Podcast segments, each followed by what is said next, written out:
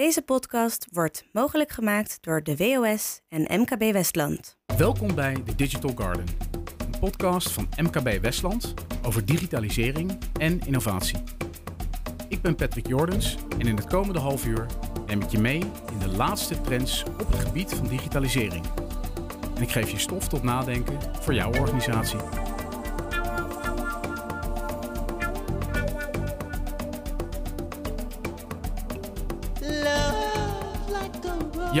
Zal je maar gebeuren dat jouw bedrijf wordt gehackt of dat je een cyberaanval om je oren krijgt.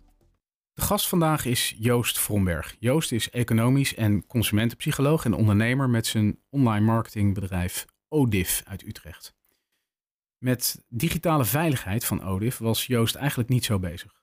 De focus lag, zoals bij iedere ondernemer, op zijn core business.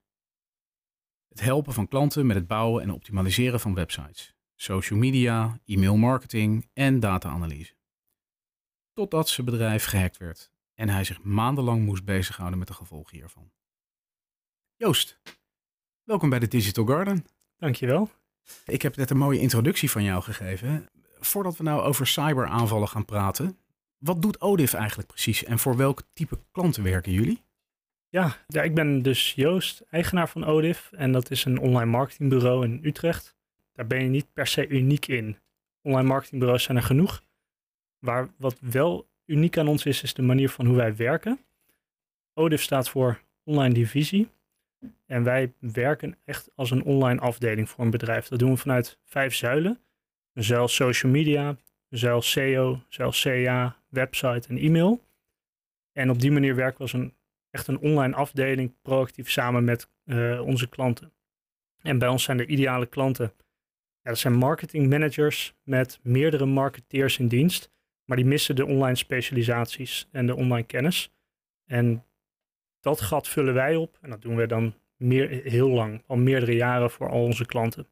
Ja, want online marketing is natuurlijk eigenlijk best wel een containerbegrip. Hè? Daar vallen heel veel verschillende uh, takken van sport onder. Jij noemt net je vijf zuilen, maar waar, waar word je het meest voor gezocht? Wat zijn nou de meest de typische werkzaamheden die je voor klanten verricht? Nou, dat is op zich wel leuk. Wij, hebben dus niet per se dat we voor een, een typische vraagstuk worden gevraagd. Van, kan je de SEO voor ons doen? Zorg ervoor dat we beter vindbaar zijn in Google. Dat soort vragen krijgen wij niet. Wij krijgen juist de vragen met, we, zijn, we proberen te groeien of we proberen ons beter te profileren op de arbeidsmarkt of we proberen talent te werven of we willen onze omzet verhogen. Hoe ga je dat doen? Ja, en dan kunnen wij dus op, de, op vanuit onze propositie multidisciplinair dat aanvliegen. Ja. Dus wij hebben echt niet een, eh, een, een, een losse tak die echt gevraagd wordt, maar juist alle verschillende disciplines. Ja. Wat bedoel je met disciplines? Dat zijn verschillende functies, zwaar, zwaarte in functies. Ja, dan moet je zo zien dat, uh, stel dat, uh, dat een bedrijf vraagt om meer online omzet te realiseren voor een, product, dan, uh, dan kunnen we dus social media advertenties opzetten. Maar op het moment dat je heel veel bezoekers vanuit social media naar een website trekt en niemand koopt, ja, dan heb je toch een ander probleem. En uh, dus je ziet vaak dat een holistische benadering relaxed werkt. Dat je iemand hebt die ook de website in de gaten houdt, maar er ook voor zorgt dat je organisch beter vindbaar wordt in Google. Dus dat je wat makkelijker gratis bezoekers naar je toe trekt. Dat er experimenten worden gedaan op doelgroepen om te kijken waar we uh, op social media welke doelgroepen het beste resoneren. En vervolgens als ze ook een contact, op een bepaalde manier contactgevers achterlaten. Dat is een naam mailen en uh, terugmailen en na een half jaar weer terughalen. Ja. En dat je op die manier dus vanuit meerdere disciplines probeert om, om doelen te behalen. Ja, dat klinkt als een online marketing journey.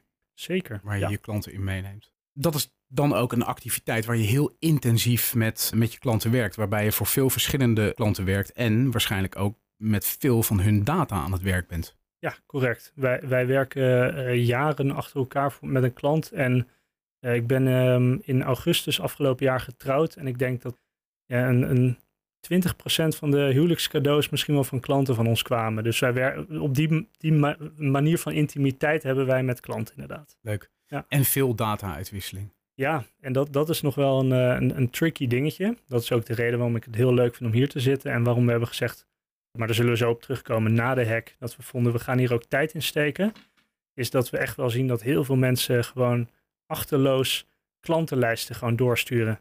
Dan wordt daarom gevraagd door een uh, social media marketeer bij ons. Die zegt, ja, ik zou het wel lekker vinden om te weten of jullie e-mailadres, dat ik jullie e-mailadressen mag hebben, want dan kan ik die matchen en dan kunnen we lookalike audiences bouwen.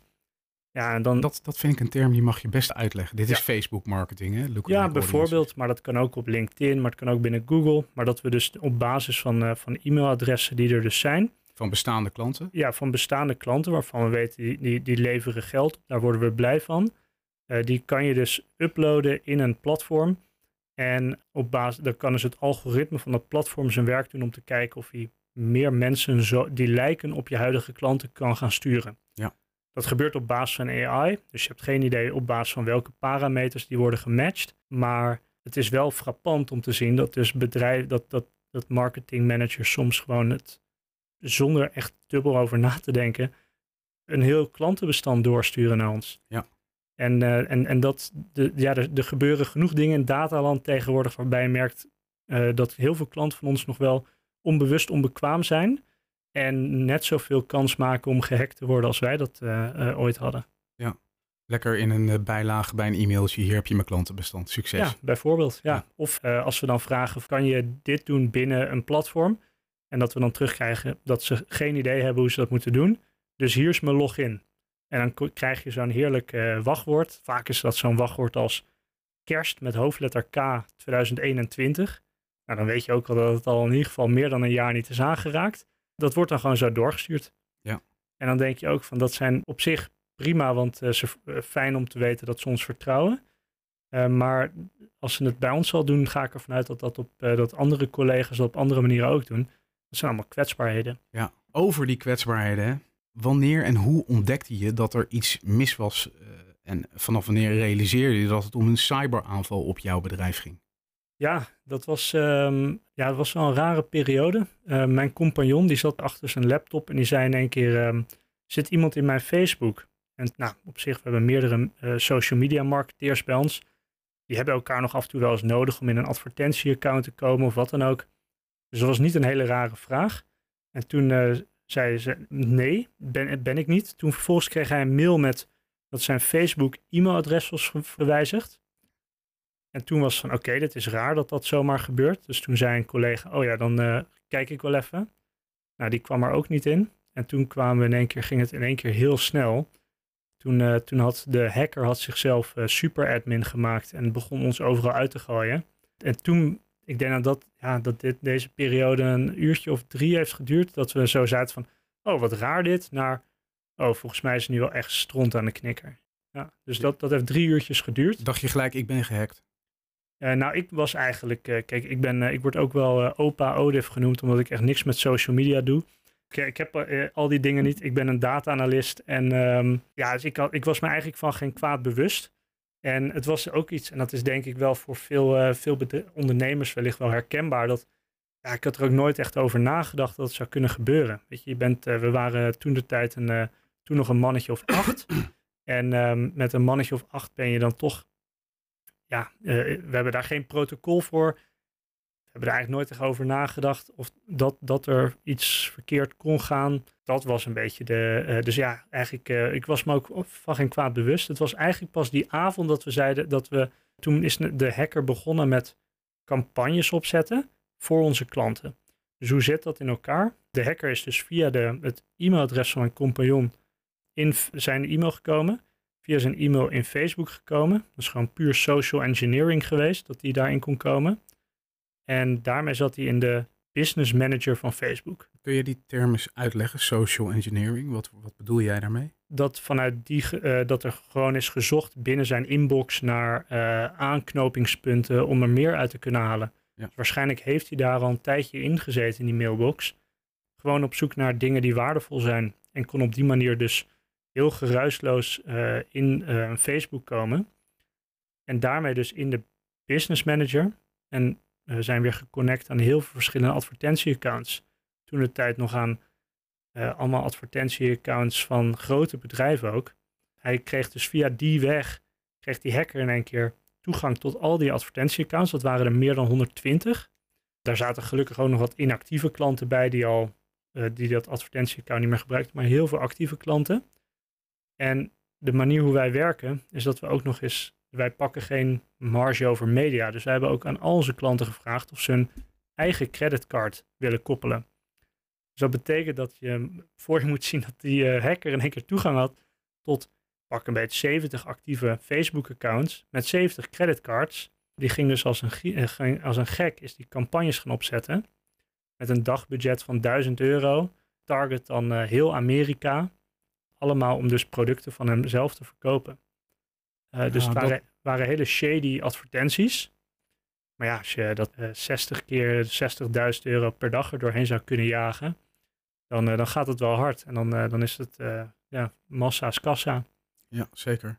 Dat klinkt als buikpijn voor jou. Nou ja, toen, toen hadden we wel gelijk door, dit is wel, uh, wel code rood. Uh, we wisten eigenlijk, alleen we wisten eigenlijk niet wat we gingen doen. dat is best wel raar. Als je, ja, je, je zit meer elkaar een beetje aan te kijken. En uh, toen zaten we ook van, ja, wat, hoe, hoe gaan we hier nou weer mee om? Toen zijn we in een soort, ja, hoe noem je dat? Een war room, een breakout room, code rood. Weet je, dat gewoon gaan samenzitten van, wat kunnen we doen om de angel eruit te halen? Nou, dat was gelijk onze klanten dus zoveel mogelijk uh, bellen en op de hoogte stellen. Gelijk vragen of ze de creditcard kunnen deactiveren. Ja, dit zijn grote bedrijven die een creditcard gebruiken voor heel veel dingen. Dus dat is echt wel iets wat je van ze vraagt in dat geval. Dus daarmee lopen ook andere processen in, het, in de soep. Dus standaard andere afschrijvingen gaan er dan ineens stoppen dan daarmee. We hebben gevraagd aan al die klanten of ze konden kijken of ze deze super admin eruit konden gooien. Dat was dan dus zijn, uh, mijn compagnon zijn naam. Uh, maar ja, die had zichzelf overal al zo naar binnen gewurmd dat hij dus niet meer verwijderd kon worden. Dus ja, dus, dus we, het, was, het was in één keer een hele rare situatie. Uh, en we zijn eigenlijk maar begonnen met proberen zo snel mogelijk de angel eruit te halen. En dat is als de creditcard geblokkeerd is, kan er in ieder geval geen geld uitgegeven worden. Ja, dus dan, zien we, dan zien we later wel of we, of we de data terug kunnen krijgen. MKB Westland. Word nu lid op www.mkbwestland.nl. Dus dat was de eerste prioriteit, is zo snel mogelijk de, de risico's gaan, gaan uh, verlagen. Ja. Ik ben nog wel even benieuwd. Hè? Je hoort in de cybercriminaliteit, hoor je vaak uh, dat er verschil is tussen degene die de gegevens bij jou binnen weghaalt en degene die uiteindelijk de uh, de misdaad pleegt. Hè? Dus je wordt gehackt door één partij. Die gegevens die daar worden verkregen, die zijn heel interessant en die worden doorgegeven aan een ander en die gaat ze misbruiken. Hè? Dat, dat kan zijn los geld vragen. Mm -hmm. Dus uh, wil ik zo ook nog wel even iets van je, van je over weten. Is dat bij jou ook gebeurd? Maar daar kom ik zo op. Maar dat kan ook zijn, uh, hier heb je inloggegevens en dan kan je ze misbruiken voor jouw eigen doeleinden. Bijvoorbeeld het verkopen van, uh, van shady producten waar je het net over had. Heb jij een idee hoe dat bij jullie in elkaar stak? Ja, we zijn erachter gekomen dat mijn compagnon een sneakerfanaat en dat een sneakerhandelssite waar hij op zat een periode daarvoor is gehackt. En blijkbaar gebruikt hij hetzelfde, e-mail, of hetzelfde wachtwoord en hetzelfde e-mailadres uh, op die handelssite uh, voor sneakers en, uh, en voor zijn e-mail, privé-e-mail. Ja. En zakelijke face, zijn zakelijk, ja, Facebook is gewoon een privé-platform eigenlijk. Dus daar zat hij ook met zijn privé-e-mailadres op. Maar werd wel zakelijk gebruikt. Ja. En op die manier zijn, konden ze dus eigenlijk heel makkelijk in. Um, en je, je vroeg net over geld. Ja, wij, wij waren, was ook puur toeval. Een, een, week voordat die hack plaatsvond, hebben we nog uh, door onze, uh, we hebben een, een, een, tussenpartij voor onze verzekeringen. En die heeft nog een, een, een, brief naar mij gestuurd met alles over een cybersecurity verzekering. Toen heb ik gezegd, ja nee, maar wij, wij doen helemaal niks zelf met data en we hebben zelf de creditcards niet en weet ik veel wat. Dus nee, daar zien we vanaf. Dus uh, uh, toen ging het, ja, toen werd ik zeker uh, zenuwachtig, omdat ik dacht, ik ben heel benieuwd wat ze mee gingen doen. Um, maar het was heel raar, want we zagen op dat moment gewoon, vanaf het moment dat er campagnes werden opgezet, werden er denk ik iedere minuut, of iedere twee minuten kwam er weer een nieuwe campagne bij, bij een ander advertentieaccount. En die is gewoon als een malle campagnes gaan opzetten, geld gaan uitgeven. En op zich was dat nog wel prettig. Hij had ook in ons inderdaad kunnen gaan, uh, um, ja, een, een soort van ultimatum kunnen sturen van maak een x aantal bitcoin over naar dit adres en ik geef het weer vrij. Dat zou ook kunnen, maar hij heeft gekozen om het uh, geld uit te gaan geven voor eigen producten. Uh, wat op zich prettig was, want ehm, ja, daarmee, doordat we de, heel snel die creditcards eruit konden halen, had dat al redelijk snel geen macht meer. Ja, nou heb ik online heb ik me natuurlijk ook even ingelezen. Daar kwam ik een interessante quote uh, tegen van jou. We hadden geen beleid, de impact was enorm. We hadden geen beleid, de impact was enorm. Wat is de link tussen het gebrek aan beleid en de heftigheid van de impact dan? Ja, nou, dat, dat is eigenlijk wel een leuke. Eigenlijk voelt het een beetje hetzelfde als een, een voetbalwedstrijd zonder strategie beginnen. Van uh, ja, zoek het maar uit met z'n allen op het veld. Nee, je gaat toch in een bepaalde formatie staan. Je hebt een bepaalde keuze die je maakt als je gaat aanvallen en verdedigen. En uh, ja, bij ons was het gewoon op datagebied, was het gewoon ja, ga maar gewoon lekker in het veld staan. het lukt, het gaat allemaal wel goed. We zijn met z'n achten, zitten met z'n allen in één ruimte, geen idee. We kennen elkaar van voor en achter, we kennen iedereen heel goed, dus het zal wel goed zijn. Nou, en dat is wel, dat beleid, dat wordt eigenlijk uitgesplitst in twee onderdelen. Dus namelijk, we hebben een preventief beleid nu opgesteld. Uh, dat is namelijk, hoe zorg je ervoor uh, wat, uh, hoe zorg je ervoor dat je zo, niet zo snel gehackt zou kunnen worden? En een escalatiebeleid voor als je gehackt wordt, wat doe je dan? Ja, voor ons, nou, er was natuurlijk echt geen preventief beleid. het wachtwoord dat ik overigens gebruikte voor mijn e-mail was op letterlijk ieder platform hetzelfde. En iedere collega wist dat en lachte er altijd om.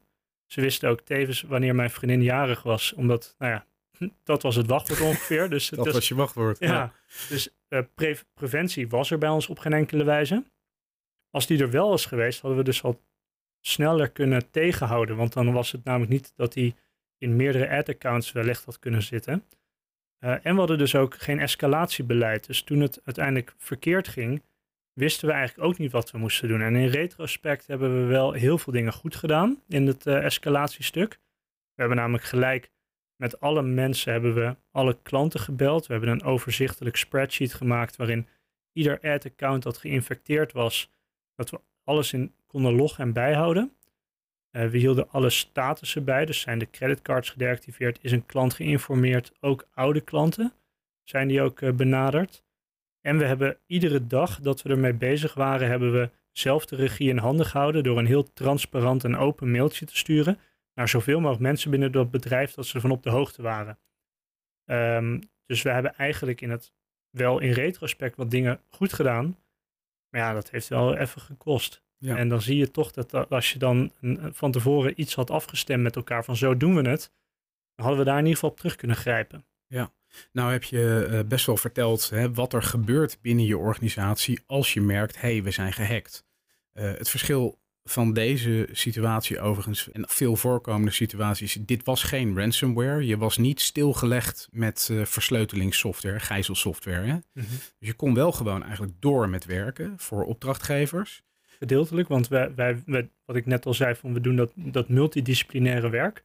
Wij konden nog steeds in Google, we konden nog steeds in LinkedIn, we konden nog steeds in uh, Pinterest, in TikTok en dat soort dingen. Ja. We konden alleen niet in Facebook en Instagram. Nee, oké, dus, die, dus die platformen waren en, en van we waren natuurlijk, Ja, en we waren bang dat dat natuurlijk nog kon uitbreiden. Dat ja. we in één keer konden zien dat die op een andere manier toch erbij kon komen. Ja, ja dit, is, dit is op geen enkele manier minder pijnlijk, hè, maar het was wel een situatie waar je doorkomt met werken. Want als je hele bedrijf stil ligt, dan heb je ook nog allerlei continuïteitsschade. Nou, dat had je dan nu Gelukkig niet. Maar je hebt verteld over wat dat dus doet met je organisatie. Je, gaat een, je richt een war room in. Je gaat daar met elkaar uh, een strijdplan maken om te zorgen dat je snel weer normaal kunt werken en dat de schade beperkt wordt.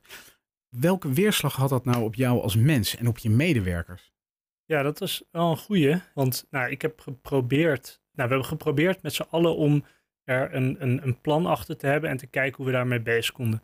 Het fijne is dat we die verschillende zuilen hebben. En dit bleef beperkt tot team social bij ons. Dus dat alleen het, uh, men, die mensen die met so social media bezig hielden er echt last van hadden. We hebben gelijk ervoor gezorgd dat alle andere teams alle wachtwoorden driedubbel zouden aanpassen, nalopen, twee FA's op aan zouden zetten en wat dan ook.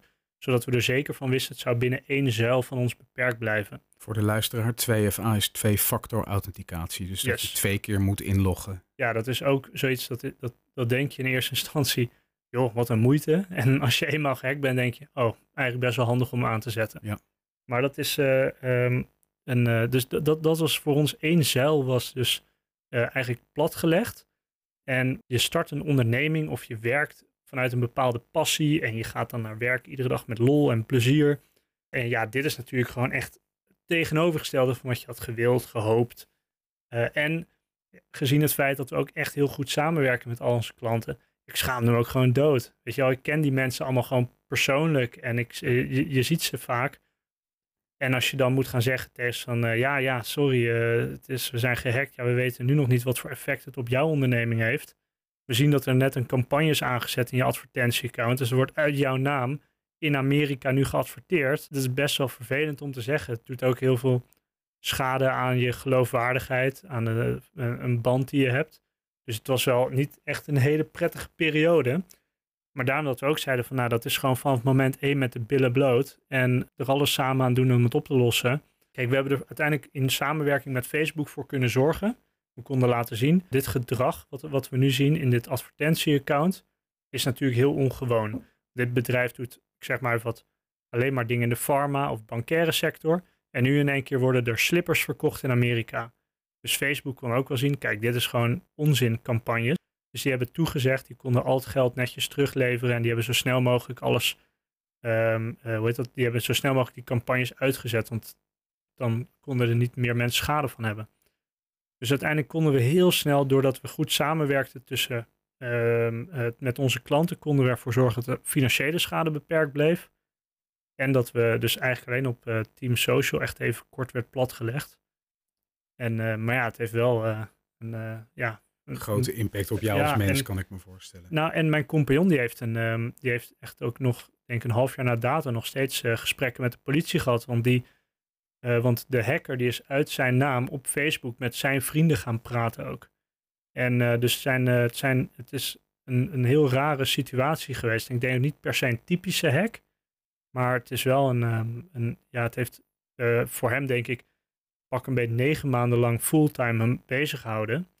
En uh, binnen het team social merkten we ook wel dat, het, uh, dat ja, ieder kwartiertje wat over was, was alleen maar bezig gehouden met de hack. MKB Westland, belangenbehartiging, netwerkorganisatie en kennisplatform voor ondernemers. Je hebt gezegd, het enige wat we konden doen was de klanten direct inlichten. Hè? Dus je hebt heel snel actie ondernomen. Hoe reageerde je klant daarop? Nou, dat is op zich wel relaxed als je vrienden bent. Want ik denk dat als je uh, elkaar nog niet zo goed kent uh, of nog een beetje uh, ja, twijfelt aan elkaar of wat dan ook, dat je dan al heel gauw eruit geknikkerd zal worden of dat ze echt heel vervelend reageren. Ik denk ook dat een, een, een volledig billen-bloot strategie heel goed heeft gewerkt met echt alles te delen. Dat heeft goed gewerkt. En het heeft ook heel goed gewerkt om volledige schuld op ons te nemen vanaf moment 1. Waardoor dus een marketing manager niet denkt van, oh, nu zal, zal mijn kop op het hakblok liggen in de directie. Maar gewoon weet, ik kan prima gewoon naar ODIF wijzen. Zij zijn de stoute, stoute hierin. Uh, dus ja, wij hebben gewoon uh, volledig besloten om het allemaal op ons te laten nemen. En wat er dan ook uit zou komen, op wat voor schade er zou zijn, ja, dat, dat, daar dienen we dan later wel mee. Maar zolang maar in ieder geval de mensen met wie we werken, uh, dat die er geen last van zouden moeten hebben. Het enige wat ze moesten doen, was er gelijk achteraan zitten dat die financiële administratie een creditcard blokkeerde. Uh, zodat er niet zo, uh, zo, snel mogelijk niks werd uitgegeven. Nou, dat, dat was eigenlijk het enige. Dan wisten we geen financiële schade. We wisten ook van iedere campagne dat live ging, was ook niet in het land waarin ze actief waren. Dus er was ook niet per se branding schade. Dat we zouden, stel dat je in één keer in Nederland op de buis komt, ook niet, uh, zou het niet heel prettig zijn. Dus ja, we wisten daarmee de schade in de relaties wel te beperken. En dat, ja, ik denk dat die strategie wel echt goed heeft gewerkt. Ja, het is misschien wel voor, voorstelbaar, hè? maar ondernemers die, die, die willen zich niet graag bezighouden met digitale veiligheid. Dat is gewoon geen core business. Je merkt dat ze hopen dat het eigenlijk hun deur uh, voorbij gaat. Maar achteraf had jij volgens mij dat liever anders gedaan, klopt dat? Ja, ik, kijk, je ziet natuurlijk in, de, in het nieuws dat er steeds vaker cybersecurity incidenten zijn. Uh, ik reed hier net naartoe. Uh, toen hoorde je ook inderdaad over hack van de, in, binnen de ziekenhuizen. Um, waarmee uh, ziekenhuizen gewoon platgelegd worden voor een paar dagen. dus het, het, was wel iets wat, wij, wat we wisten. En we zagen alleen ook dat, bij, dat klanten er ook heel nonchalant mee omgingen. Ja, Er werden gewoon, die klantenlijsten worden gewoon doorgestuurd. En dan downloadt een collega hem en die laat hem dan op zijn laptop liggen. Vergeet die laptop voor de grap eens een keer in de trein. En je hebt gewoon echt een kaart datalek, wat de continuïteit van een klant heel erg kan aantasten. Maar ook dus dat een klant heel makkelijk een heel simpel wachtwoord kan doorsturen. Dus we merkten het al, dat het er al wel was. Alleen ja, het is gewoon makkelijker om er niet mee bezig te zijn. En dat doe je ook als je weinig mensen hebt. Als je kleiner bent, dan ga je nog, nog niet een beleid maken voor een bedrijf van 1500 man bijvoorbeeld. Want die mankracht heb je niet en je ziet het TZT wel. Ja. Hetzelfde dat je, dat je niet gaat, nu al gaat nadenken over wat zou er mogelijkerwijs kunnen gebeuren als iemand uit dienst gaat, maar weet ik veel wat. Het zijn allemaal dingen die ga je eigenlijk pas ervaren als je het meemaakt. Ja, ja het is eigenlijk, uh, ik, ik vond het wel een mooie beeldspraak. Hè? Uh, het voetbalveld opgaan en de opstelling eigenlijk nog niet uh, duidelijk hebben en de aanvalsstrategie nog niet duidelijk hebben. Dat is, dat is ook niet verstandig. Zo'n informatiebeveiligingsbeleid of een plan, het gaat helemaal niet om het papier, maar om de verschillende punten waar je over na moet denken om jezelf zo goed mogelijk te weren in een wereld waarin je weet dat 100% veilig je nooit bent. Hè? Iedereen kan worden gehackt. Jij zegt eigenlijk van ja, achteraf had ik dat wel gewoon moeten hebben. Ja, achteraf denk ik, uh, het is goed om de mogelijke, kijk, je, je kan het een SWOT-analyse doen.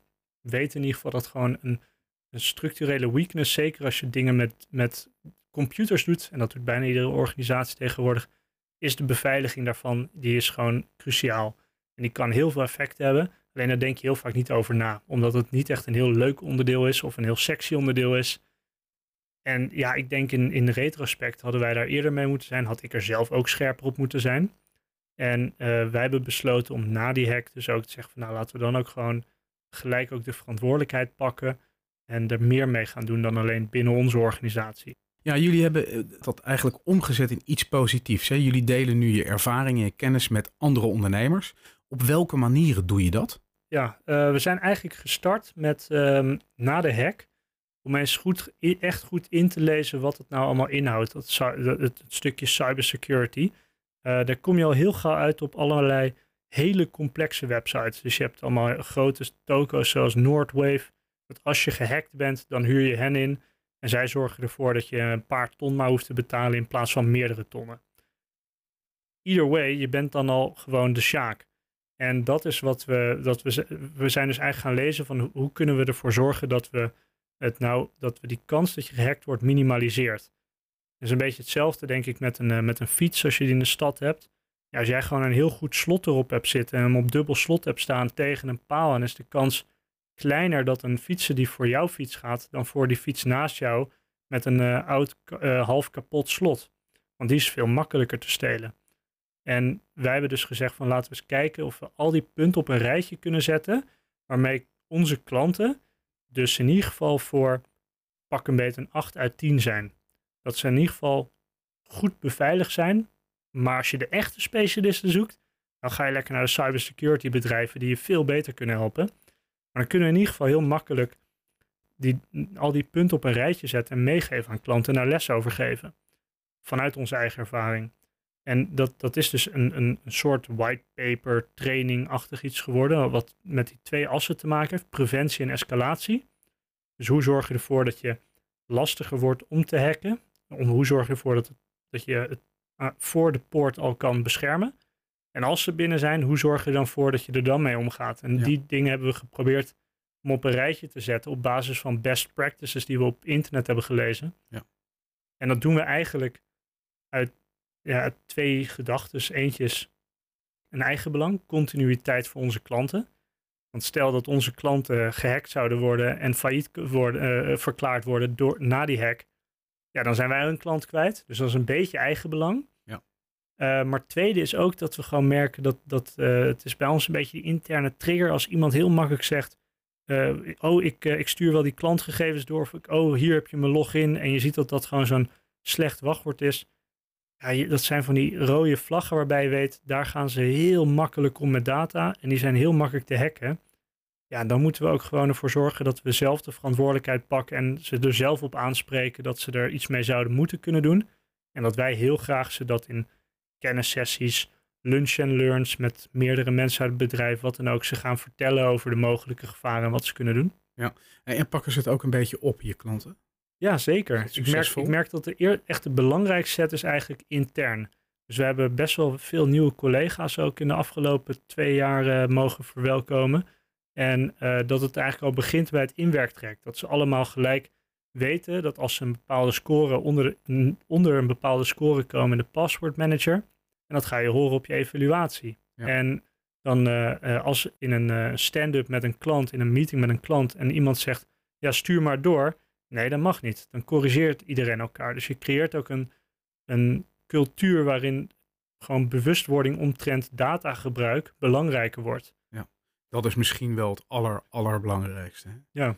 Want het begint toch altijd bij mensen. Je komt ergens, zo'n hacker komt ergens binnen, iemand klikt ergens op of laat iemand ergens toe of verliest een wachtwoord of gebruikt, net zoals jouw compagnon, dezelfde wachtwoorden op verschillende websites. Dan wordt iets anders gehackt, dan komen ze bij jou binnen. Ja, ja goed hoor. Ja, je, ziet, je ziet het ook met zo'n bijvoorbeeld een, een, een CISO binnen een bedrijf, een uh, Chief Information Security Officer of wat dan ook. Dat die uh, ja, kan hartstikke goed zijn werk doen. Maar vervolgens zal het inderdaad iemand zijn die alles gewoon, alle belangrijke data op zijn laptop zet. En die laptop achterlaat in de trein. Dat is al een datalek. En uh, dan heb je nog steeds je werk niet goed gedaan, kan je nog steeds in gevaar komen. Dus het, kunnen in best, het zit in die end altijd bij de collega's zelf. Maar het is iets waar collega's liever niet mee bezighouden. Ik denk daarom dat het uh, een, een, in ieder geval gewoon een, een verhaal vertellen over wat, hoe het ons plat heeft gelegd voor een tijd. Wat voor een hoofdpijn het ons heeft veroorzaakt. Dat de politie er zelfs mee bezig is geweest. En dat hopelijk daarmee ook een beetje mensen denken: oh ja, misschien zou ik toch eens hier iets mee moeten doen. En als ze dat niet weten hoe ze dat moeten doen, ja, dan, dan leggen we dat graag uit. Uh, en de, kunnen ze altijd contact opnemen. En alleen maar leuk om erover te, te vertellen. Ja, prachtig. Ik denk dat je ook hele, hele goede uh, maatregelen die je hebt uh, genomen, dat je daar goed over verteld hebt. Ik vraag aan het einde van de podcast altijd naar waardevolle tips voor ja. ondernemers. Hè? Ik wil graag dat de luisteraar kan leren. Wat is jouw top drie van tips die je zou moeten toepassen om te voorkomen dat je gehackt wordt of dat je een cyberaanval om je oren krijgt? Ja, ik denk dat de eerste is, is Calimero-gedrag. Dat, het, uh, dat je niet denkt dat het jou over gaat overkomen. Het is namelijk niet alsof het, een hacker op zoek is naar jou als persoon. Van, oh ja, ik vind dit bedrijf wel interessant en dat bedrijf niet. Het zijn gewoon algoritmes die proberen te infiltreren. Dus er wordt helemaal niet naar een persoon gekeken. Hoe groot het bedrijf is, hoe waardevol het bedrijf is. Er wordt gewoon gekeken naar, kom ik binnen? En als ik binnenkom, kan ik er iets uithalen. Dus de eerste gedachte die, die wij hebben is van, denk niet dat het jou niet kan overkomen. Het maakt niet uit of je een, een, een, een groot bedrijf met waardevolle ziekenhuisdata bent, of dat je gewoon, zoals wij, een dertien in een dozijn online marketingbureau zijn. En uh, ja, je kan gewoon daarin gepakt worden. Dus dat is denk ik uh, de eerste. De tweede die ik, uh, die ik belangrijk vind, is, is het echt wel een, een beleid hebben. Je merkt dus dat het belangrijkste zijn, zijn die mensen, dat ze in ieder geval een bewustwording bij hebben. Dat, het niet zo, dat je niet zo 1, 2, 3 data mag delen. Dat er gewoon een keer over nagedacht wordt. Dat je dus niet hetzelfde wachtwoord gebruikt op plekken. En ik denk dat de derde tip die, uh, die ik dan zou kunnen meegeven is, uh, is echt wel een uh, password manager gelijk aanschaffen. Heel veel bedrijven werken aan de cloud. Cloud is veilig, verwachten we, dat hopen we dan maar. Um, maar ja, als ze in de cloud kunnen komen, en dat kunnen ze via een account, dan hebben ze ook alles wel binnen. Dus je moet ervoor zorgen dat je dat je, je wachtwoorden uh, echt heel scherp uh, um, ja, beveiligd hebt. Nou, daarom hebben wij een dashlane voor iedereen aangeschaft. En daar, dat betekent ook, iedereen moet voor alles wat je doet een wachtwoord met minimaal 20 onleesbare karakters gebruiken. Dat wordt, dat wordt in een soort van admin panel, kan je dat bijhouden van of iemand uh, zich daar ook aan houdt. En je kan dus daar, daar ook anoniem wachtwoorden weer met elkaar delen, mocht dat nodig zijn. En op die manier kan je dus in ieder geval mensen buiten houden. En als ze binnenkomen, dan hoop ik dat je al een beleid hebt opgesteld. Ja, nou dat zijn, dat zijn echt hele goede tips. Dashlane is goed. Ik gebruik Dashlane zelf ook. Ja, dus dat, uh, ja, zo'n passwordmanager is eigenlijk. Je kunt niet meer zonder, uh, lijkt mij. Joost, ik wil jou hartelijk bedanken. Ik, uh, ik denk dat dit, het, het, is natuurlijk niet een leuk onderwerp om over te praten, maar wat heel waardevol is, is dat er ondernemers zijn die er wel over praten. Dus dank je wel daarvoor. Joost Volberg van ODIF in Utrecht. ODIF is met een V. ODIF.nl kun je de website terugvinden.